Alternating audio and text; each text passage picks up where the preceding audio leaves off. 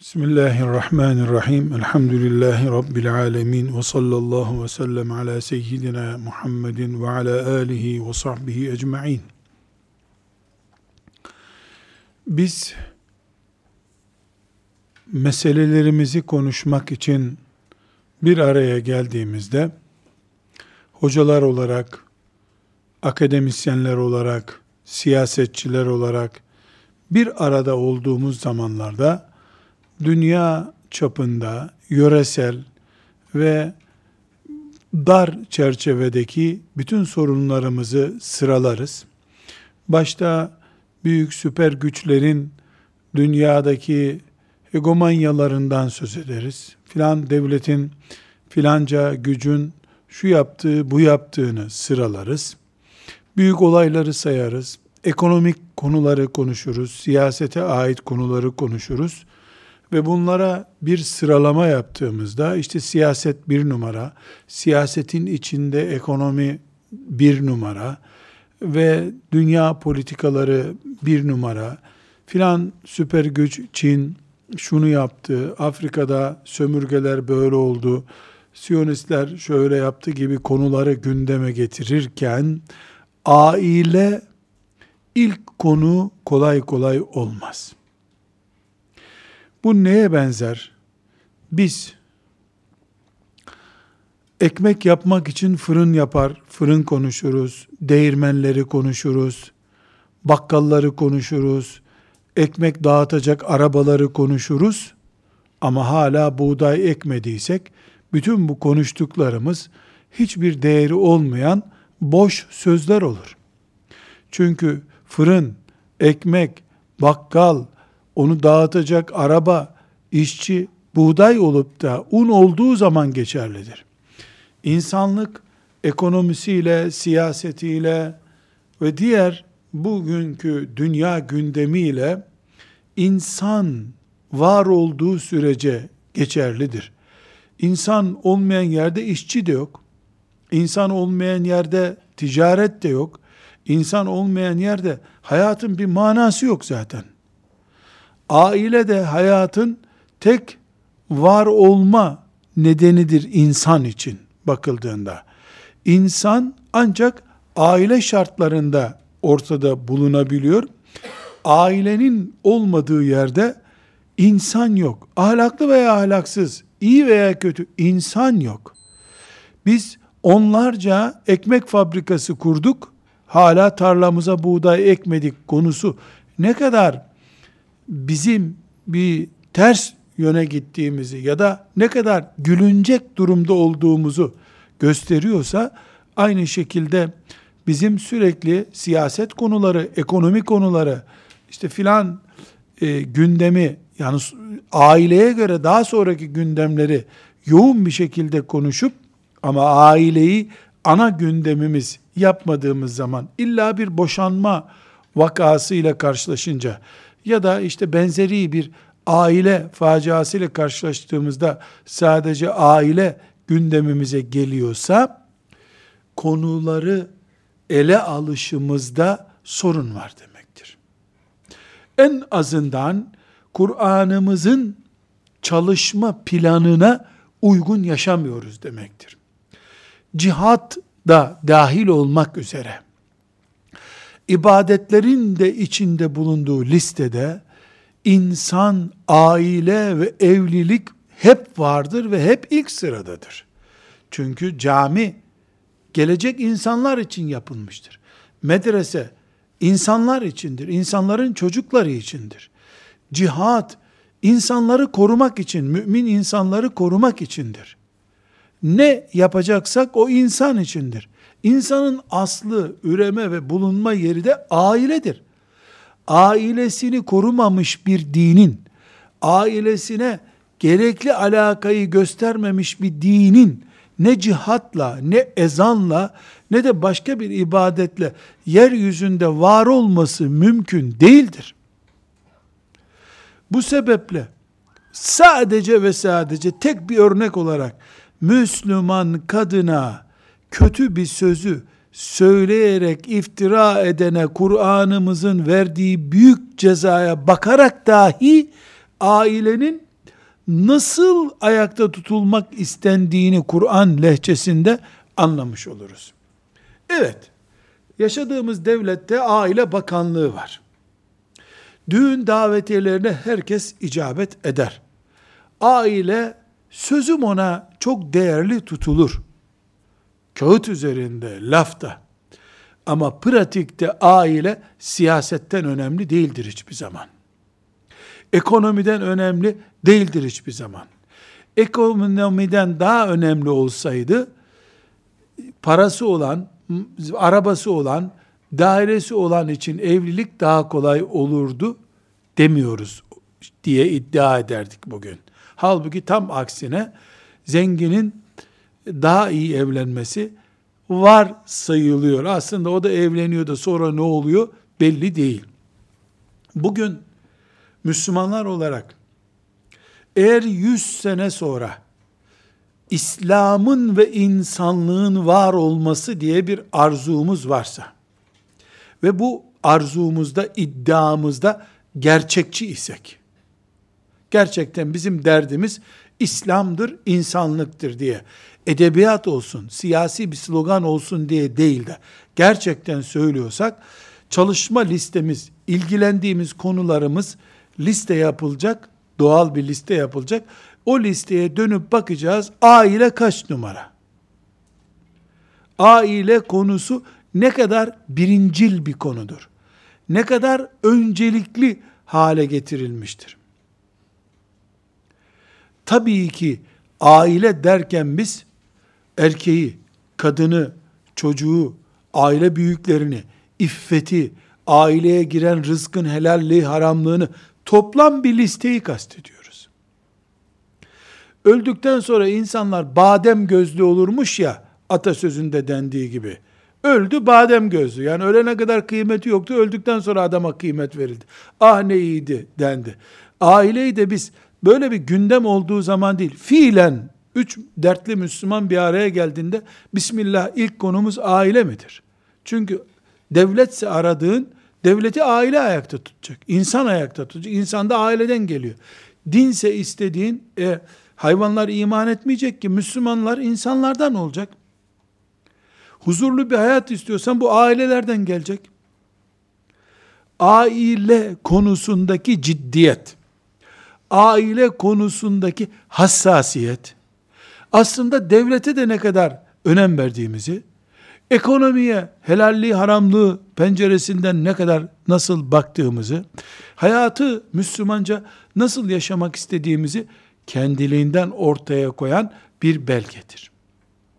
Bugüne kadar aile konusunun hiçbir şekilde bu noktada tutulduğunu zannetmiyorum.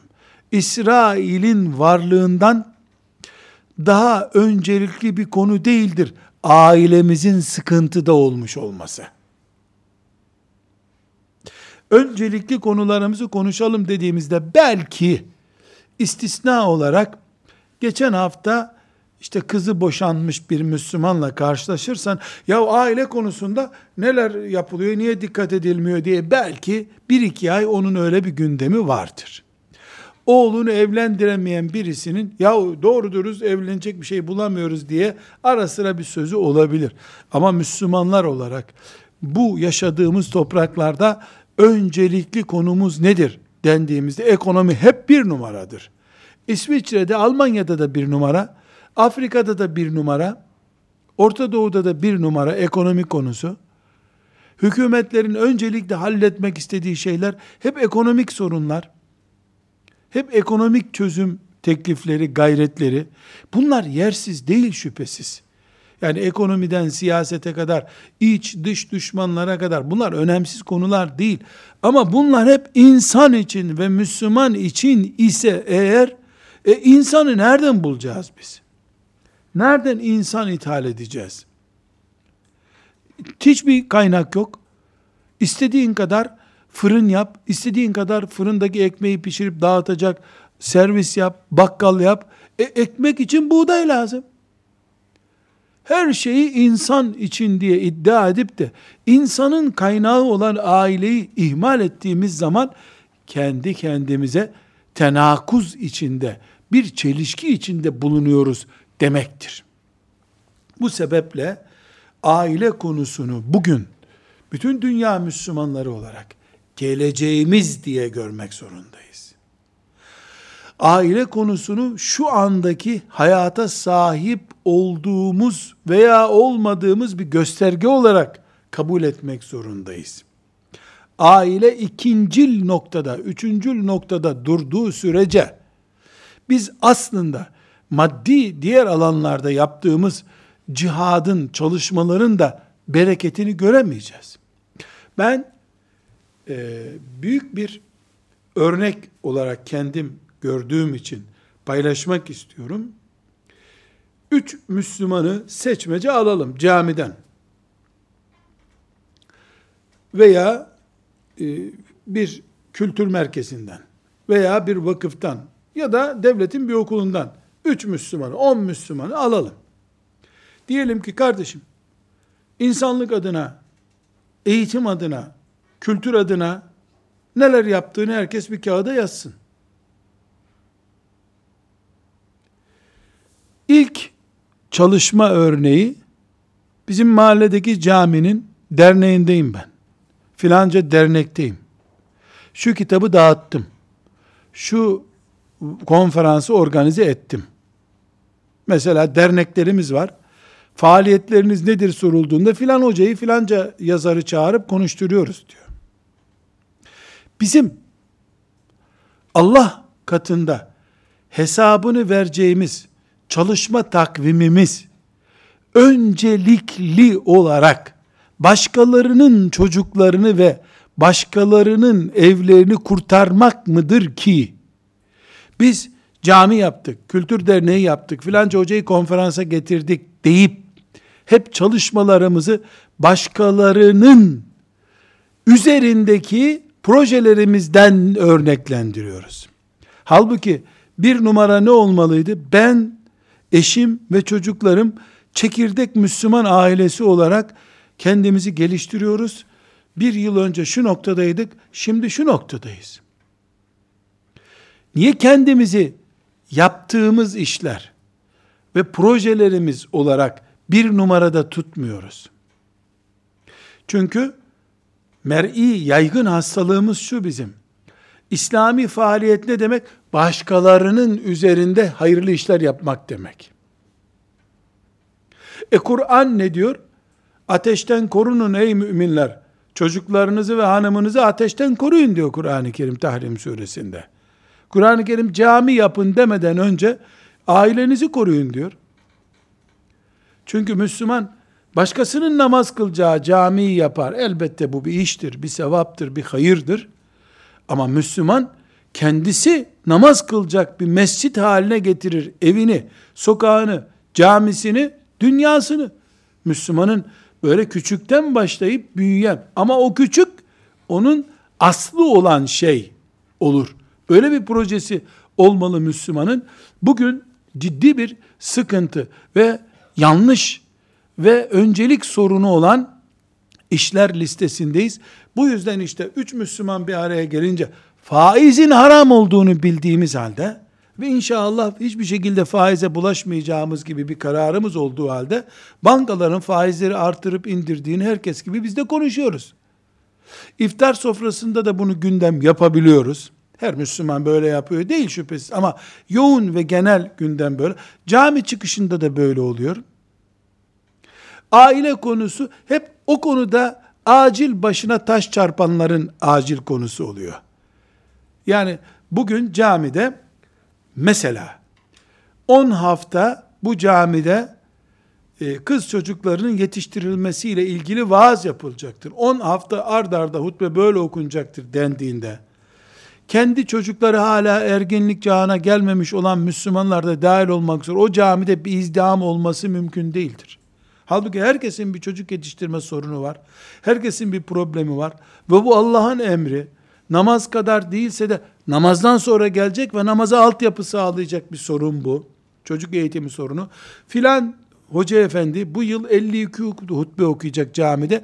52'si de çocuk eğitimiyle ilgili olacak dense belki cemaati de azalır. Ha onu dinlemeye kimler gider? Çocuğunu eve getiremeyip e, filan noktada kaybetmek üzere olan ve tedavisi artık imkansız durumda olanların babaları belki, anneleri belki gidip dinleyelim bu hocayı derler. Halbuki hocanın onlara yapacak bir şey yok. Yani ölümden önceki nokta için bir faydalı e, proje veya konuşma yapılabilirdi bu camide. Bugün ümmeti Muhammed olarak aileyi sözde ve pratikte ilk noktaya taşımak zorundayız. Bunu aslında devlet böyle yapmalı. Ama devlet de bunu 100 yıl sonrasına göre mi yapıyor, 4 yıl sonraki seçime göre mi yapıyor, onu bilemiyorum. Zannediyorum ki seçimler 100 yıl sonrasından daha etkili. Daha etkili. Belki demokrasinin bir oy seni kazandırıyor ve kaybettiriyor. O kazanman kaybetmen de İslam'a mal olacak, davana mal olacak gibi bir sürü varsayımlar üzerinden devlet için belki de haklıdır ama ben müminim. Ben la ilahe illallah Muhammedur Resulullah dedim.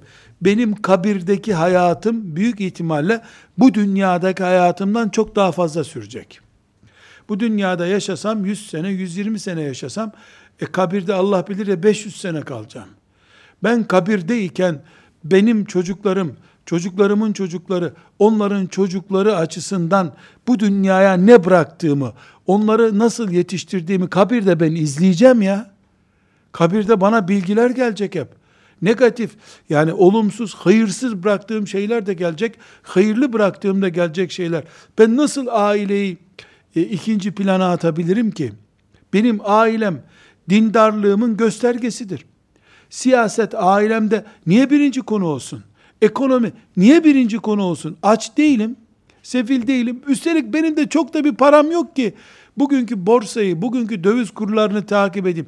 Zenginin malını sayıp züğürt tesellisi yapmak için niye ben e, paranın değerini veya ekonominin gidişatını konu yapıp vakit kaybedeyim? Bunlar da ilgili şüphesiz. Uzmanlarının ilgisi olsun. Bunları da biz sokağa atacak değiliz. Ekonomiyle de ilgileneceğiz. Ama ben çocuklarım konusunda sorun yaşarken maazallah çocuklarım konusunda sorun yaşarken başkalarının projeleri ve başkalarının plazaları, başkalarının şirketlerinin artısıyla eksisiyle uğraşırsam kendi yoluma tuzaklar kurmuş olurum. Çünkü ben ahirete giderken ben kendim, hanımım veya kocam ve doğurduğumuz çocuklarımız kadar büyük bir barikatım yok benim. Bu dünyada üçüncü dünya savaşı kopsa, benim bir mesuliyetim yok bu işte. Üçüncü dünya savaşı kopsa, milyonlarca insan maazallah o savaşta ölse, ben bundan ne sorulacağım ki kıyamet günü? Lanet ettin mi bu insanlığı kahredenleri etmedin mi diye soracak Allah. E mümin olarak lanet ettim. La lanetullahi ala zalimin dedim kurtuldum. Ama çocuğum, eşim, ailem, mezardan itibaren benim sorgulanma nedenimdir. Dünya savaşından daha önemlidir. Benim küçücük bir dünyam var. Dört tane duvarla çevrili bir evdir benim dünyam. Benim çapımda bir fert Müslüman olarak ve ben buranın içinde çocuğumla annesi arasında, çocuğumla benim aramda, eşimle benim aramda ki herhangi bir savaş bir dünya savaşıdır. Çünkü benim evim benim dünyamdır. Cennete çevirdiğim bir dünyam veya cehenneme çevirdiğim bir dünyam ya da akıbeti meçhul olan bir dünyamdır. Her halükarda ben zarardayım. Bunun için buğday tarlasını ekmeyenlerin buğday fabrikası, un fabrikası kurması ne kadar komikse aile konusunda sabah namazından yatsı namazına kadar gündüz sokakta yatsı namazından da sabah namazına kadar gece evde dua ile namazla dua etmeyen, gayret etmeyen, heyecanlanmayan müminler yani Allahu Teala'dan ne bekleyeceklerdir ki? Siyaset bu açığı kapatmaz. Ekonomi bu açığı kapatmaz. Coğrafya bu açığı kapatmaz. Başkalarının işleriyle meşgul olmak sevap da olsa kendi çapında bu açığı kapatmaz. Bu açığı kapatmaz. Kendi evinde rahmet kuyuları kurumuş bir insanın Afrika'da kuyu açması sevap olsa da bu boşluğu dolduracak bir sevap değildir. Başkalarının abdest alması için Afrika'da kuyu açtırıyorsan elbette abdestin sevabı sana geliyor. Ama mezarda ilk bulacağın şey abdest dünyası ile kopuk, cünüp gezen evlat sorumluluğudur. Aileyi bir dünya görmek zorundayız. Biz siyasetçiler gibi, ekonomistler gibi dünyanın dünyanın varlığını başka değerler üzerinden tasarlayamayız. Bizim değerimiz ailedir. Çünkü ben insanım, insan olarak yaratıldım. İnsan olarak haşr olacağım kıyamet günü. Ve benim sulbundan gelenler, yani çocuklarım ve benim ortak hayat yaşadığım şey paradan, savaştan, cihattan, hatta ve hatta namazdan önce kaçma nedenimdir benim. Yevme yefirrul mer'u min ahi ve ummi ve ebi ve sahibeti ve beni. Baş belası bunlar kıyamet günü. Değerlendirme hatası gördüklerinde yani ben elbette Lut aleyhisselam da aile konusunda muvaffak olamadı. Nuh aleyhisselam da aile konusunda muvaffak olamadı. Ama dağları oyacak kadar büyük işler yaptılar da olmadı bu. Verdik anaokuluna, sonra İmam Hatip'e verdik, onlar yetiştiremedi demedi Nuh Aleyhisselam.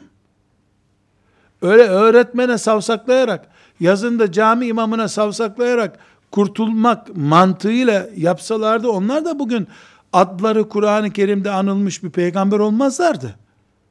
İnsan takatiyle yapılacak şeyi en mükemmel şekilde yaptılar, olmadı. Allahu Teala şahit buna. Yoksa Allah onlardan razı olur muydu? Aileyi bir numaralı konu gördüğümüz zaman çok doğal bir İslam çalışması yapıyoruz demektir.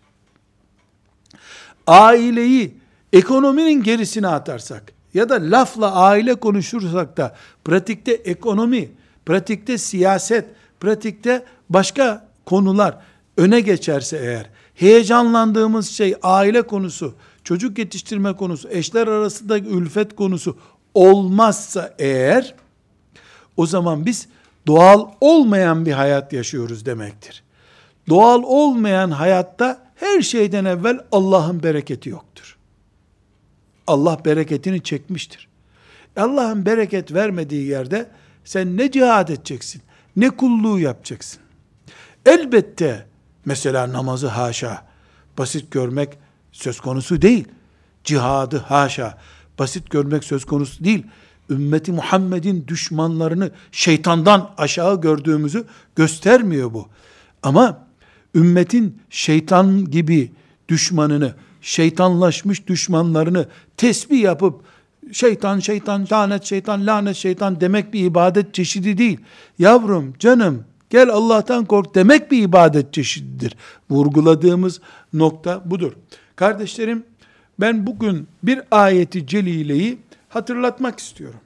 Nur suresinin 32. ayetini. Rabbimiz bir emir buyuruyor. Enkihul eyame minkum. Sizden bekarları evlendirin Allah buyuruyor. Bekarları evlendirin. Bu akimus salah namaz kılın. Ve atuz zekah zekat verin. Hac edin. Kurban kesin der gibidir. Üzkurullah Allah'ı zikredin der gibidir.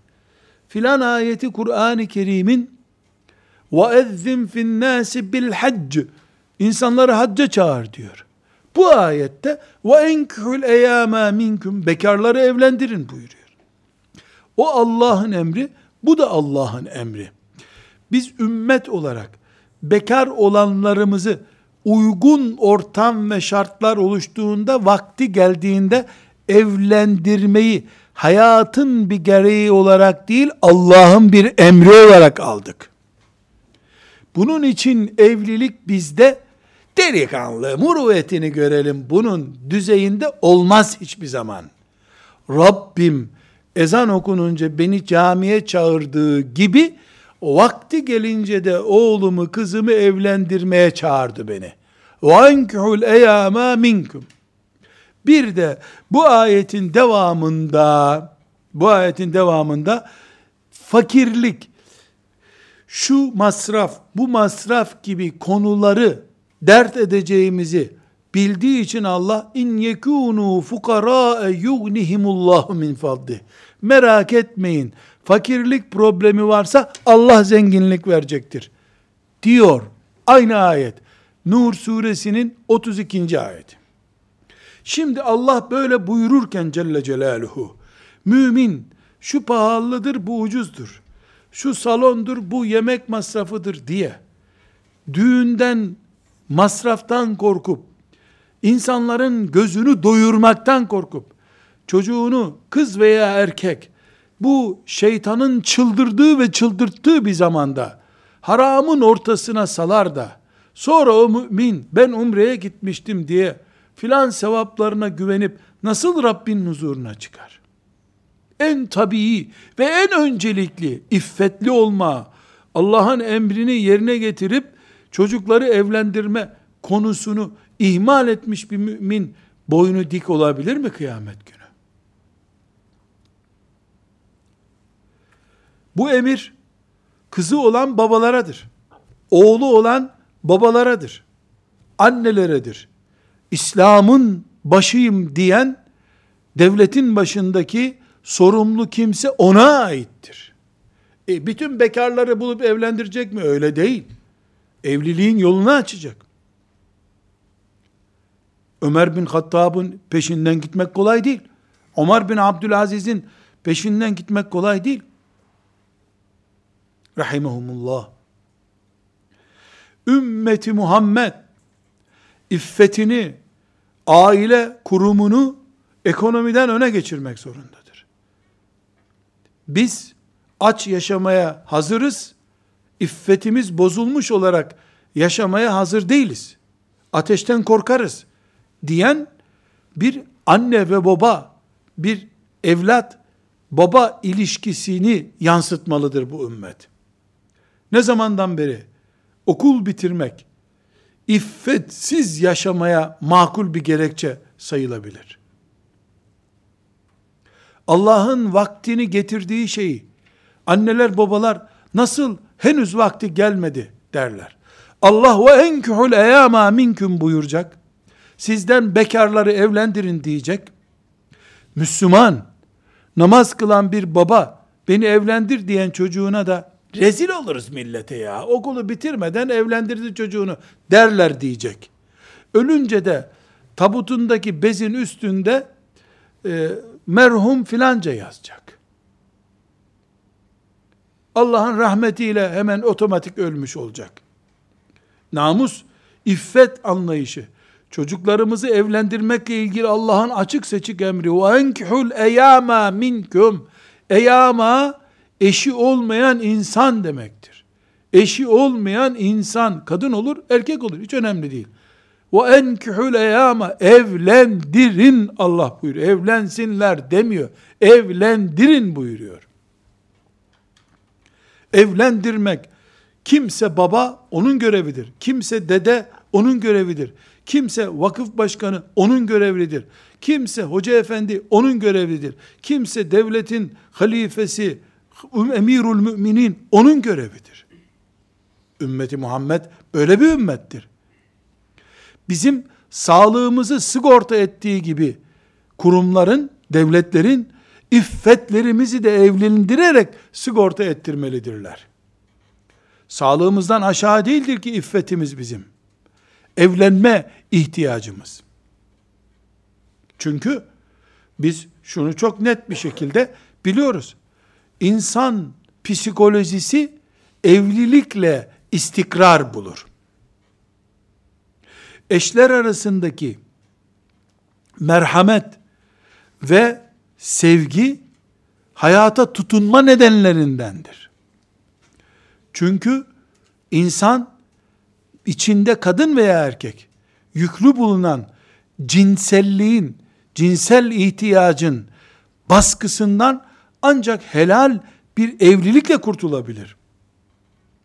İnsanlar arasında aile bağları, hısımlıklar, dönürlükler kurulması yöntemiyle biz beton evler gibi değil, insanlar gibi bir toplum oluştururuz. Aksi takdirde betonlar insandan daha değerli.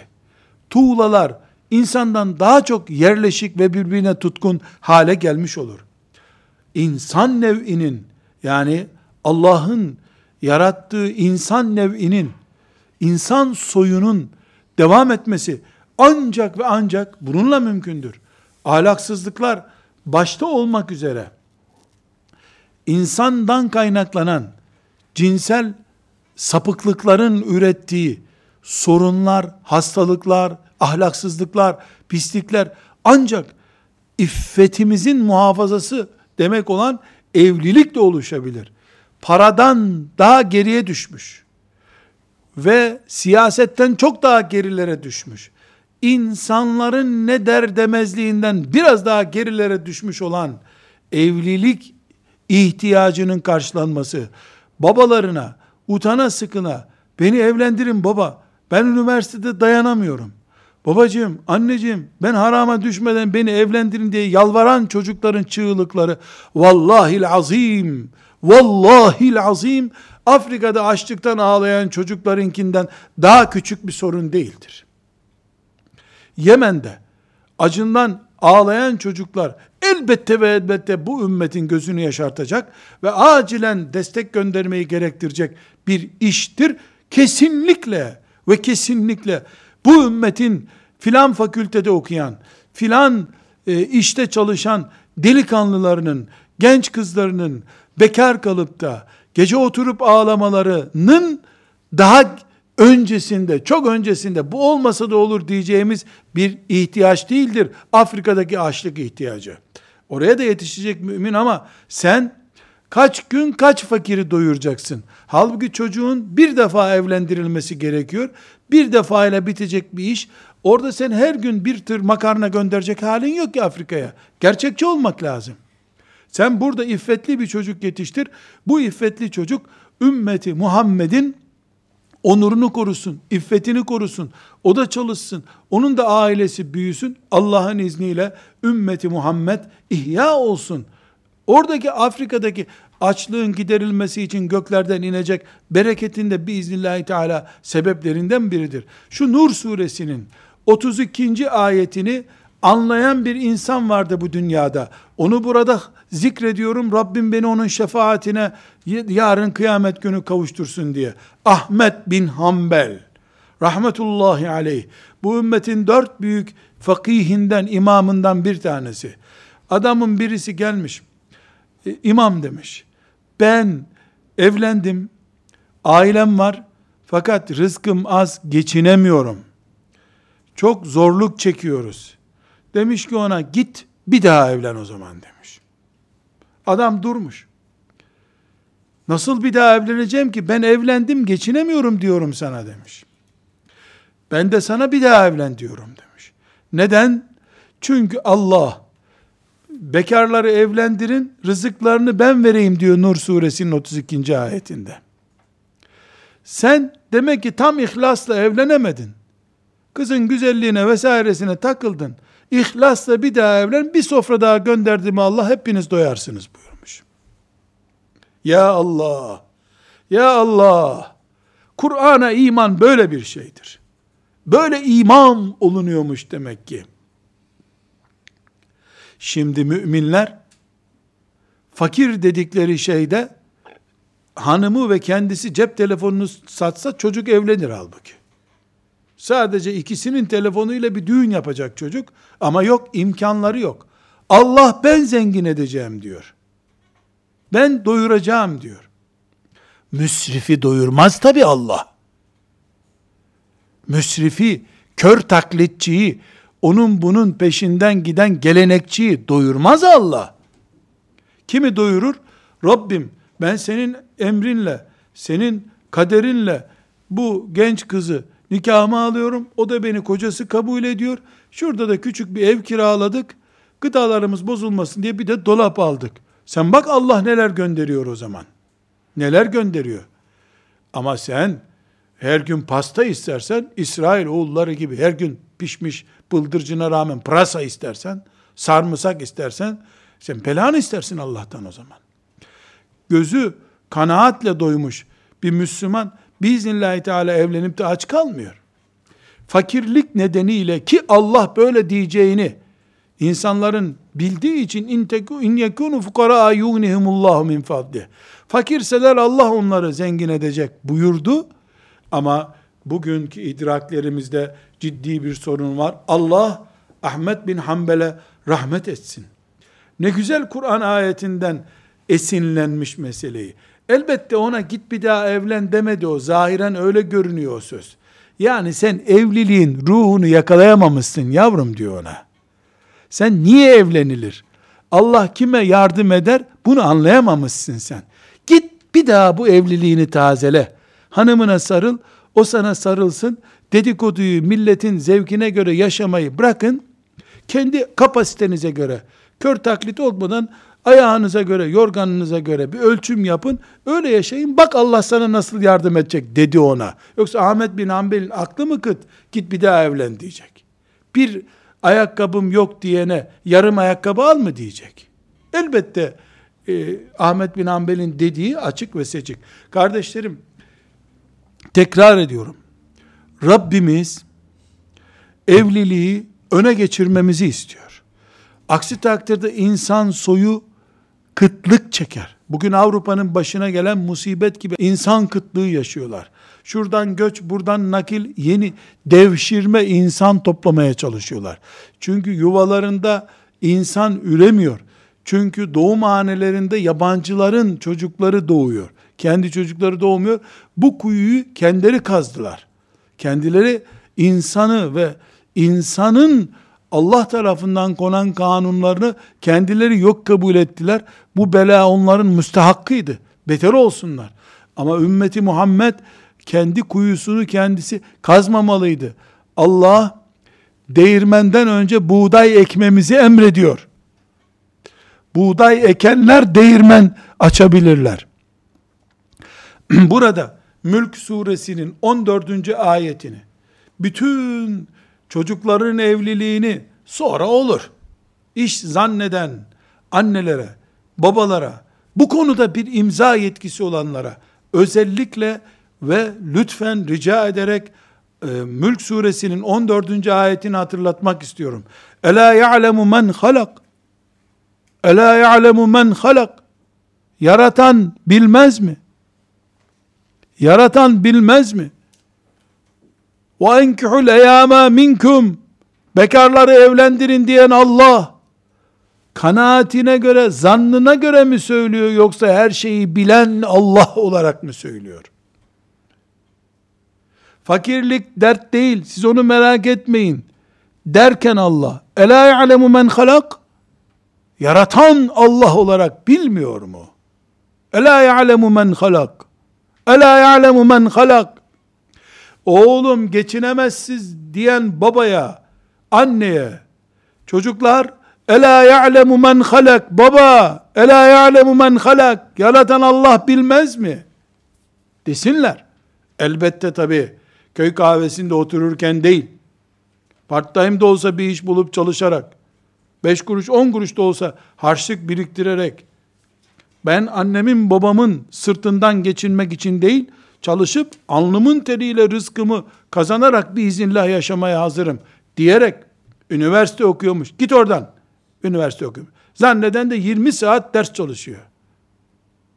Üniversite belki tıp fakülteleri gibi böyle çok teknik fakülteleri hariç üniversite dediğin nedir ya? İki saat derse gideceksin. O da haftanın üç günü veya bir buçuk saatten dört gün derse gideceksin. Gerisinde kantinde oturacaksın. Üniversite okuyor. Oku. Çok güzel de çalış. Yarım gün git bir yerde çalış. Ela ya'lemu men halak. Allah bilmez mi? Bilir. Bildiği için emretti. Tekrar ediyorum. Anneler babalar İsrail'den, Çin'den, Amerika'dan, şu dünyadan başımızdaki döngülerden önce kapasiteleri kadar Allah'ın onlara sorgulama yapılacağı, yapacağını unutmasınlar. Sen acınacak haldeki çocukların babası ve annesi iken Allah'ın huzurunda mesuliyetten kurtulamazsın. İslam, kültür, yardımlaşma, vakıfları ve dernekleri kurulmasın artık yeter ya. Vakıf mezarlığına döndük. Dernek mezarlığına döndük. 20 tane kadın, Müslüman kadın birleşsinler. Çocuk yetiştirme konusunda şeriatımızın nasihatlerini, İmam Gazali'nin öğütlerini, psikologların, sosyologların tavsiyelerini, aile terapistlerinin tavsiyelerini otursunlar konuşsunlar. Seçimlerde bize siyasetçiler ekonomik değerleri vaat edeceklerini biz biliyoruz. Seçim olduğu zaman gelecekler. Eskiden yol köprü yapılırdı. Şimdi yapılacak yol kalmadı. Artık e, ekonomik vaatler, şuna indirim, buna bindirim, maaşlara zam diyecekler. Bundan sonra biz siyasetçilerden ümmeti Muhammed'in ailesi konusundaki yatırımlarını dinleyelim. Taraflardan birini öne çıkarmak ve öbürüne zulmetecek hale getirmek. Mesela Avrupa aile sorununu halletmiş. Nasıl hallediyor? Çocuğunu eğitemiyorsan ben alırım diyor. Papazlara eğittiririm diyor. Çocuğa bağırmışsın sen diyor. Alıyor çocuğu. 8 yaşında çocuğu alıyor. 18 yaşında bir daha geri veriyor. Maşallah ne güzel çözüm ya. Kadını öne çıkarıyorsun, erkeği eziyorsun. Erkek kendisi öne çıkıyor, kadını eziyor. Kız çocuğu hafif bir babasına baş kaldırıyor. Babası, aa çekerim kulağını diyor. Babanın kulağını çekiyor devlet. Bunlar çare değil ki. Kulak çekmekle, öbürünü hapse atmakla, zincirlemekle çözüm olmuyor ki. Bismillahirrahmanirrahim diye ana rahminden itibaren Allah'ın kulları olarak Allah'ın dinine göre, Allah'ın şeriatına göre nesil yetiştirme ve aileyi koruma projelerini görmek isteriz biz siyasetçileri. Biraz da bunları dinleyelim artık. Bunları gelip bize konuşsunlar. Bu dünya hep kadın hürriyeti diye döndü durdu bugüne kadar. Hep demokratik haklar, sosyal güvenceler diye döndü durdu. Allah'a kulluk diye bir standart olsun bakalım. Çocuklar Allah'ın kulu olduğunu bilsinler. Baba ve annenin kölesi olmadıklarını bilsinler. Anne babalar da emanetçi olduklarını bilsinler. Çocukları gibi köle gibi kullanmasınlar. Evlilik müessesesini Allah'ın şeriatına göre yürütüyoruz. Hepimiz Allah'ın kullarıyız. Hiçbirimiz öbürümüzün patronu değiliz bu fani dünyada. Ben hanımımı üzersem bunu Allah benden öyle bir sorar ki doğduğuma doğacağıma pişman olurum. Ben kocamı dertlendirirsem bunu Allah benden sorar. Peygamberimin huzuruna çıkamam kıyamet günü diye düşünen nesiller yetiştirelim. Yani kapitalizm bütün insanlığın e, tamamını cenderesi altına aldı. E, bütün Avrupa kültürü e, olduğu gibi insanlığı serbestsiniz, hürsünüz, ne yaparsanız yapın dedi. Bu arada herkes kendi tanrıcası oldu adeta. Çocuklar küçük bir tanrı kimseyi dinlemezler. Ana baba kendisini aralarında tanrıçalara bölünmüşler zaten. Herkes kendi ilahı. Bu hayat böyle devam eder mi ya? Aile kökten dağılıyor. Annelik, babalık değer kaybediyor. Evlatlık yani adeta ileride getirisi olacak bir nesne haline geliyor. Bir Müslüman, bir Müslüman şu dünyada benim kızımı okuttum. Kızım bu evin işte filanca eşyasını değiştirecek kadar para kazanmadıkça evlendirmem onu ben. Emeğimi başkası niye yesin önce? Yazıklar olsun. Bunu söyler mi bir Müslüman ya? Erkek çocuk için belki bir anlamı olur bunun. Erkek çocuk büyüttük. Şimdi maaş getirsin yaşayalım der insan da. Bu Anadolu topraklarında, Alparslan'ın fethettiği bu topraklarda Müslüman bir insan şimdi ben ayak ayak üstüne atacağım kızım para getirecek onu yiyeceğiz der mi ya? Subhanallah. Bugünleri de mi görecektik? Bu böyle mi devam edecek? Kız çocuklarımız bizim cennetimiz ya. Biz 80 yaşında bile gidip inşaatlarda çalışacaktık onlar için. Aslı buydu bu işin. Aslı böyleydi.